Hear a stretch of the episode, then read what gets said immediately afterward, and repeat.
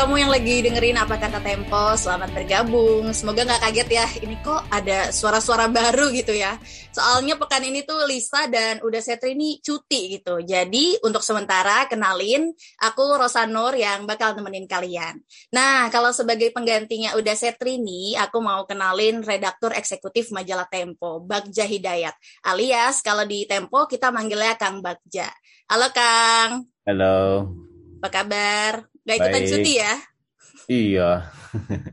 Oke deh Kang, Eh, ini kita sama-sama muncul perdana, kita Hmm. ambil alih dulu apa kata Tempo Hmm, deh pekan iya. ini, oke? Oke.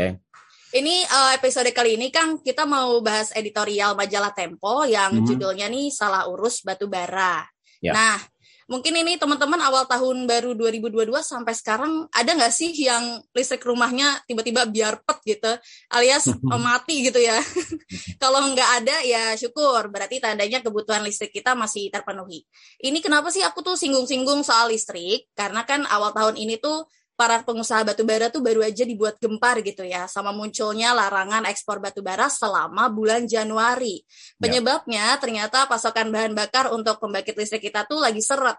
Jadi Hmm. kalau batubara tuh terus diekspor gitu, kita terancam krisis listrik. Laporan Mhm. Tempo tuh menyebutkan pemadaman bisa berdampak pada 10 juta pelanggan. Bisa dibayangin nggak? Indonesia gelap banget ya kayaknya kalau 10 juta pelanggan itu serempak mati gitu. Biasanya Mhm. Indonesia gelap mungkin kalau lagi Earth Hour gitu, hari bumi gitu, Ya. save energy gitu ya Kang. Lah ini Ya. gara-gara batu bara seret gitu. Eh, Kang ini selama Mhm. pekan-pekan ini udah ada belum sih sebenarnya daerah yang beneran terdampak gitu mati listrik? Iya, yang mati listrik tidak terdampak karena karena aturan ini ya. Karena itu baru potensi dampak kalau pasokan batu baranya tidak tidak cukup 5,1 juta eh, metrik ton gitu. Hmm. Nah, kan ini baru larangannya baru berapa hari ya. Jadi itu kan nah, pembangkit batu bara itu yang dimiliki oleh PLN untuk eh, memenuhi 20 eh, pembangkit dan 20 pembangkit itu melayani 10 juta pelanggan. Jadi pasokan batu bara yang ada sekarang oleh yang dimiliki oleh PLN itu hanya untuk 10-20 hari. Jadi karena larangannya baru beberapa hari dan itu larangannya sampai akhir Januari, jadi apa namanya belum berdampak karena itu masih punya cadangan batu bara. Dan pada Senin malam kemarin kan sudah dibuka kembali tuh oleh Mm-mm. Pak Luhut, Menteri Koordinator ah, apa investasi da- maritim dan investasi ya. Jadi jadi eh, krisisnya praktis eh, berakhir dengan permintaan dari pemerintah untuk memasok dalam negeri dulu begitu sebelum eh, diekspor. Oke, oke. Ini Kang, ini kan soal kebijakan larangan ekspor batu bara ini kan eh, pengusaha meradang gitu ya, kebingungan gitu. Mhm. Eh, tapi ternyata banyak juga loh netizen kita tuh yang malah memuji langkah pemerintah karena katanya kan ini demi kebaikan gitu buat Hmm. dalam negeri kita biar nggak krisis listriknya. Tapi Ya. kalau baca editorial Tempo nih kayaknya Hmm. berseberangan dengan pemerintah. Ini kok kesannya Tempo memihak pengusaha batubara ya Kang? Coba Kang, Ya, ya, dulu apa ya? Kang opini kali ini. Oke, eh, pertama bahwa mengapa meradang pengusahanya karena itu kebijakannya pukul rata Hmm. ya kar- eh, dari 592 itu tidak semuanya melanggar DMO. Nanti saya DMO itu domestic market obligation. Jadi kewajiban pengusaha memasok produksi batu baranya kepada PLN batubara. Jadi anak usaha PLN yang mengumpulkan batu bara untuk pembangkit-pembangkit listrik kita. Itu pukul rata. Jadi ada juga yang yang memenuhi kewajiban itu, tetapi karena pukul rata maka mereka tidak terlarang juga mengekspornya gitu. Jadi kalau sudah bisa memenuhi, mereka bisa mengekspor. Tapi karena ini dipukul rata, seluruhnya tidak boleh mengekspor, maka mereka yang patuh kepada kontrak pemerintah ikut eh, terimbas juga. Gitu. Nah yang kedua, apakah eh, memihak batu bara? Eh, apakah memihak pengusaha batu bara? Ya, bukan memihak pengusaha batu bara, tapi memihak publik Indonesia. Mengapa? Karena batu bara adalah salah satu komoditas yang menyelamatkan ekonomi Indonesia di masa pandemi.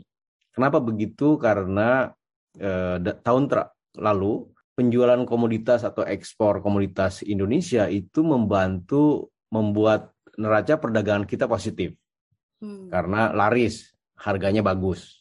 Nah, batu bara ini harganya mahal sekali. Eh, sampai tembus kemarin itu 215 eh, dolar per ton. Jadi dengan uh, batu bara yang diekspor banyak, kemudian harganya bagus, ya itu kan mendatangkan devisa buat kita. Akibatnya apa dengan neraca perdagangan yang positif setelah bertahun-tahun negatif? Artinya nilai tukar rupiah kita tidak tertekan. Hmm. Rosa bisa membeli barang dengan tetap harga yang tidak terkena inflasi gitu. Dan kemarin Ibu Sri Mulyani, Menteri Keuangan kita, itu mengumumkan bahwa target pajak terpenuhi kan, artinya untuk pertama kali mencapai 100% gitu. Setelah sebelumnya tidak mencapai 100%. E, pertama karena targetnya diturunkan, yang kedua itu sumbangan dari ekspor komoditas kita, sawit, batu bara gitu. Kalau tidak ada batu baranya tidak e, tidak ada tidak diekspor, maka mungkin neraca perdagangannya masih negatif.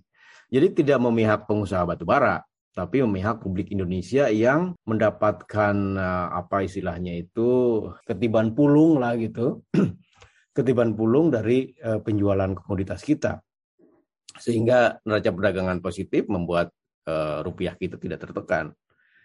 Rupiah kita menjadi lebih kuat gitu akibat dari banyaknya uh, devisa masuk ke dalam negeri. Nah, jadi ada positifnya juga si batu bara ini dengan dengan diekspor gitu. Bahwa itu menguntungkan pengusaha batu bara, yes. Karena harganya melambung tinggi akibat dari krisis gas. Nah, ketika gasnya tidak ada, karena Amerika menghentikan pasokannya, maka si Eh, kebutuhan energi pindah ke batu bara kan. Nah, ketika pindah batu bara, permintaannya tinggi, maka harganya juga menjadi tinggi. Nah, itu bonanza buat uh, Indonesia yang menjadi produsen batu bara uh, terbesar gitu. Hmm. Gitu. Jadi, jadi itu penjelasannya bukan karena memihak batu apa pengusaha batu bara. Yang kedua, bahwa larangan ekspor batu bara ini menunjukkan ada centang perenang dalam kebijakan pasokan batu bara untuk listrik kita. Kan kalau tiba-tiba dilarang artinya kan manajemen uh, pasokan batu baranya menjadi tidak solid ya. Hmm. Dan manajemen batu bara itu dibuat oleh pemerintah karena PLN adalah uh, perusahaan negara untuk mengadakan listrik gitu. Di satu sisi memang untuk memenuhi hajat hidup orang banyak listrik, kedua kebijakannya juga mendadak gitu. Hmm. Jadi ketika krisis batu bara lalu dilarang ekspornya, ya seharusnya tidak bisa tidak boleh begitu dalam memanajemen negara kan? Oke. Okay. Jadi emang harusnya nggak mendadak gitu ya, Kang ya? Ya, nah ini desain DMO atau domestic market. Jadi domestic market obligation itu adalah desain kebijakan yang dibuat oleh Kementerian Energi oleh pemerintah kita untuk memaksa produsen batu bara menjual batu baranya sebanyak 25% dari rencana produksi yang disetujui oleh pemerintah hmm. itu kepada uh, eh, PLN. Hmm. Jadi 25 persen. Jadi kalau kita eh kalau Rosa me, apa memproduksi satu juta ton misalnya ya, ya 250 ribunya itu harus dijual kepada uh, eh, PLN. Masalahnya adalah hmm. harganya itu dipatok 70 dolar. Nah, ini menjadi uh, menjadi apa rumit dan Tempo berpendapat bahwa itu mengandung moral hazard. Karena kenapa? Ketika harganya naik seperti kemarin, maka pengusaha akan dengan uh, mencari cuan uh, besar kan ya mending dijual aja karena harganya 215 hmm. dolar per ton kan ketimbang dijual ke PLN. Ya kan? Dia okay. selisih harganya berapa tuh? Kalau satu juta misalnya harganya 215 artinya Rosa dapat 215 juta dolar hmm. dengan menjual satu juta ton itu 215 juta dolar tuh kira-kira berapa ya? Tiga triliun kali. Iya kan, gede banget tuh. Nah, jadi jadi alasan uh, para pengusaha itu nggak mau jual batu bara ke PLN itu karena tadi itu harga itu ya, Kang? Ya, nyari harga yang tinggi namanya hmm. pengusaha. Namanya pebisnis kan nyari nyari untung besar kan. Nah, sebaliknya jika harganya lebih rendah dari 70, pemerintah hmm. harus menyerapnya. Sehingga itu moral hajatnya di situ. Ketika harganya naik, dia akan uh, ekspor. Ketika harganya lebih rendah, pemerintah kita harus membelinya gitu. Sehingga sign DMO itu memang mengandung moral hazard yang tinggi gitu. Memang di dalam kan DMO ini diatur oleh uh, apa keputusan Menteri Energi ya nomor 139 tahun 2021 tanggal 4 Agustus tahun lalu. Memang didesain ketika pasokan batu bara untuk PLN kita kurang, itu pemerintah berhak me, e, melarang ekspor. Hmm. Tapi kan tapi kan desainnya aja sudah keliru karena kenapa? Karena kontrak batu bara itu jangka panjang. Ya kan? Makanya eh, pemerintah Cina, Jepang, kemudian mana lagi? Filipina yang yang sudah menjalin kontrak pembelian batu bara dengan Indonesia itu marah kan ketika ekspornya dilarang. Hmm. Iya nih Kang. Ini ya. kan uh, negara pengimpor nih pada hmm. kelimpungan hmm. semua tadi udah disebutin ya Pasti. Jepang, Korea, Filipina, Pasti. Cina, hmm. Australia. Nah ini uh, ada yang komen gini bang lucunya. Hmm. Ini bisa kita kasih pelajaran nih jadinya ke negara maju gitu. Hmm. Kalau mereka tuh sebenarnya ketergantungan loh sama batu bara kita gitu. Jadi kesannya tuh kita kayak kasih peringatan gitu ya Kang. Nah ini pertanyaannya adalah apa iya Kang uh, kebijakan ini tuh jadinya berdampak ke hubungan internasional Indonesia dengan mereka gitu loh. Ya pasti karena mereka udah memperingatkan kan. Tapi peringatannya peringatan yang apa namanya bisa positif bisa negatif. Artinya gini, kalau Tempo melihatnya bahwa itu menjadi peringatan kepada apa negara lain seharusnya ini menjadi pukulan memang. Tidak hanya kepada negara lain tapi kepada Indonesia juga. Artinya apa? Artinya batu bara ini menjadi komoditas yang rentan. Seharusnya itu menjadi peringatan ya sudah kalau kalau rentan artinya ya kita tinggalkan batu bara aja hmm. karena kenapa batu bara itu kan menjadi sumber utama apa namanya emisi gas rumah kaca kan dan uh, itu sangat tidak terbarukan. Artinya dia energi fosil yang kalau dikeruk ya dia akan merusak uh, lingkungan dan apa dalam suatu waktu tertentu akan habis gitu. Jadi tidak terbarukan karena itu uh, seharusnya itu menjadi pukulan atau peringatan bahwa ya memang seharusnya kita sudah tidak lagi memakai batu bara gitu mestinya. Hmm. Artinya Filipina, Jepang dan seterusnya harus stop memakai batu bara. Yeah. Dan itu adalah amanat dari perjanjian Paris tahun 2015. Hmm. Perjanjian Paris itu konferensi perubahan iklim yang dihadiri oleh negara anggota PBB. Mereka berjanji akan mencegah suhu bumi naik eh, satu setengah derajat tahun 2030. Gimana caranya? Hentikan batu bara. Hmm. Tapi Artinya, katanya tadi itu kan uh, uh, pendapatan negara Indonesia terbesar nih. Terus kalau udah nggak diekspor lagi kita jadi rugi dong. Loh, kan bisa kita kemarin kita menjual listrik ke Singapura. Hmm, oke. Okay. Artinya jadi... dari energi terbarukan, dari energi matahari.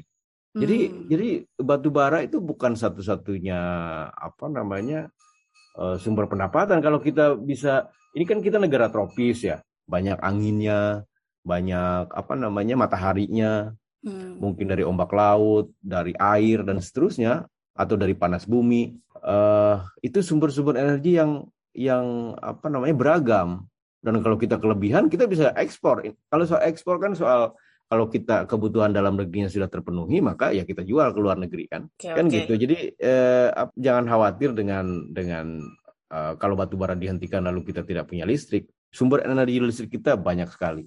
Oke. Okay. Dan kita memang akan menuju ke sana, cuman lambat ya perkembangannya karena membutuhkan teknologi dan lain-lain. Tapi sekali lagi tadi kalau memang batu bara ini krisis batu bara sekarang itu menjadi peringatan, peringatannya adalah bukan apa namanya kita menjadi pemasok utama batu bara bukan, tapi peringatannya mestinya bagi Indonesia maupun bagi negara lain adalah ya udah stop batu bara kita hmm. alihkan ke energi terbarukan itu pesannya oke okay. jadi jadi kita ini negara tropis sumber daya alamnya melimpah tetapi harus bisa memanfaatkan yang lain gitu ya kang betul ketimbang okay. yang merusak lingkungan dan sekali lagi dia memproduksi batu bara memproduksi emisi gas rumah kaca yang sangat besar yang itu membuat krisis iklim mm -hmm.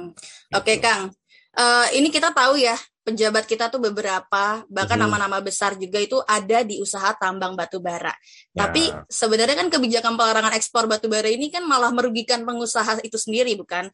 Jadi agak ganjil gitu kedengarannya. Ya, betul. Sebenarnya betul. motif lain apa sih yang Tempo temukan gitu? Uh, sebenarnya siapa yang diuntungkan di sini? Nah, itu dia uh, apa namanya? Ini agak aneh juga ya pemerintah uh, berani gitu membuat satu kebijakan yang yang drastis gitu dengan melarang batu bara. Karena karena ini kan pengusaha-pengusaha besar ya. Ya tumben gitu makanya di di kontennya medsos Tempo kok tumben pemerintah berani kali ini. Tapi kan hmm. beraninya cuma beberapa hari ya. Kemudian ini baru lagi. pertengahan Januari udah selesai itu kebijakannya. kemudian dibuka lagi gitu. Hmm. uh, karena memang uh, apa itu akan merugikan satu merugikan ekonomi kita ya. Tidak hanya pengusaha karena begitu tadi sekali lagi kalau ekspornya dihentikan itu kan tidak ada devisa masuk ke, ke Indonesia. Walaupun kita juga akan terancam listriknya menjadi padam. Tetapi sekali lagi bukan itu poinnya. Poinnya adalah ada tata kelola batu bara kita yang kacau. Kan dalam setahun pemerintah bisa mengalokasikan kebutuhan listrik apa kebutuhan batu bara kita berapa untuk menghasilkan listrik e, berapa kan? Seharusnya kan itu tidak terjadi krisis hanya dalam satu bulan gitu. Ya kan? Itu satu.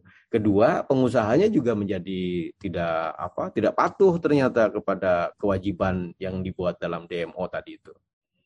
Hmm. Jadi dua-duanya yang kacau gitu. Satu pemerintah tidak bisa menjaga pasokan batu bara supaya stabil agar listrik kita tidak mati. Pengusahanya juga tidak patuh pada kewajibannya yang di eh, dasar apa namanya yang diatur oleh eh, keputusan Kepmen eh, DMO. Hmm. Oke Kang, ya kan? itu kan Dua. tadi udah hmm. banyak hmm. yang diatur gitu ya. Hmm. Tapi kita balik lagi ke PLN sebenarnya ini apa sih yang terjadi gitu di dalam internal PLN gitu sampai kita kok akhirnya mengalami krisis seperti ini gitu.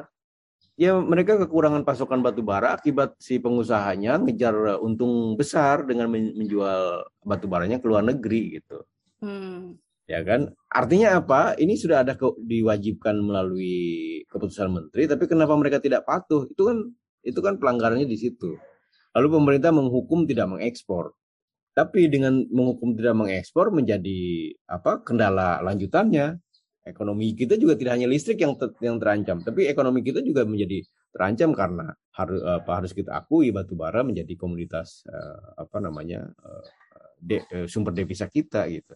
Nah, jadi dengan cara manajemen uh, pemerintah atau negara seperti ini ini kan akan akan berpengaruh ke apa cabangnya akan banyak gitu ya kan satu sisi pemerintah tidak bisa memanajemen sumber batu bara satu sisi lagi pem, si pengusaha me, bisa dengan suka-suka melanggar karena mencari uh, untung besar gitu. artinya apa Tempo dalam opininya dalam editorialnya menyarankan agar karena DMO tadi itu adalah kebijakan yang mengandung moral hazard yang tinggi maka mesti diubah desainnya hmm. Nah, Tempo menyarankan misalnya merujuk pada ekspor minyak sawit misalnya.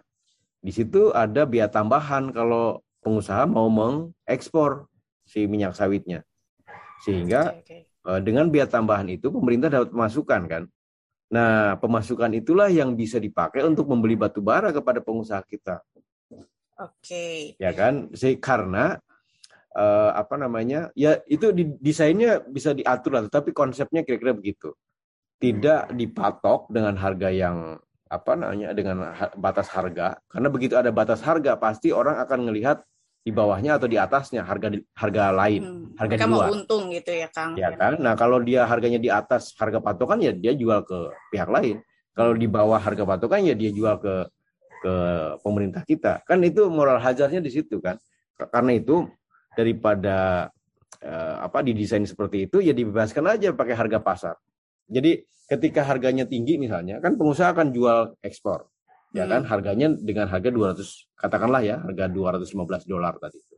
Nah, pemerintah kan mesti membeli juga dengan harga segitu, tapi harga segit harga harga tinggi tadi itu diperoleh dari biaya tambahan ekspor batu bara yang dilakukan oleh pengusaha gitu. Jadi jadi perlu didesain pemerintah kita kan punya kewenangan sangat besar memakai instrumen kebijakan untuk Eh, pasokan batu baranya tetap eh, terjaga sehingga pengusaha tidak rugi sehingga ekonomi kita tidak apa terpengaruh kalau harganya apa sesuai dengan harga pasar di tingkat internasional ya kan. Hmm. Tapi kita si pemerintah juga punya sumber uangnya dari mana? Dari biaya uh, tambahan kalau pengusaha mengekspor ke luar negeri gitu. Oke, jadi pinter-pinternya pemerintah Indonesia hmm. uh, cari cadangan lain selain batu iya, bara gitu ya, Kang? Itulah tugasnya pemerintah kan, hmm. mengapa mereka uh, dipilih dengan biaya mahal dalam politik, mengapa mereka mendapatkan tugas mengelola negara itu ya supaya kreatif gitu.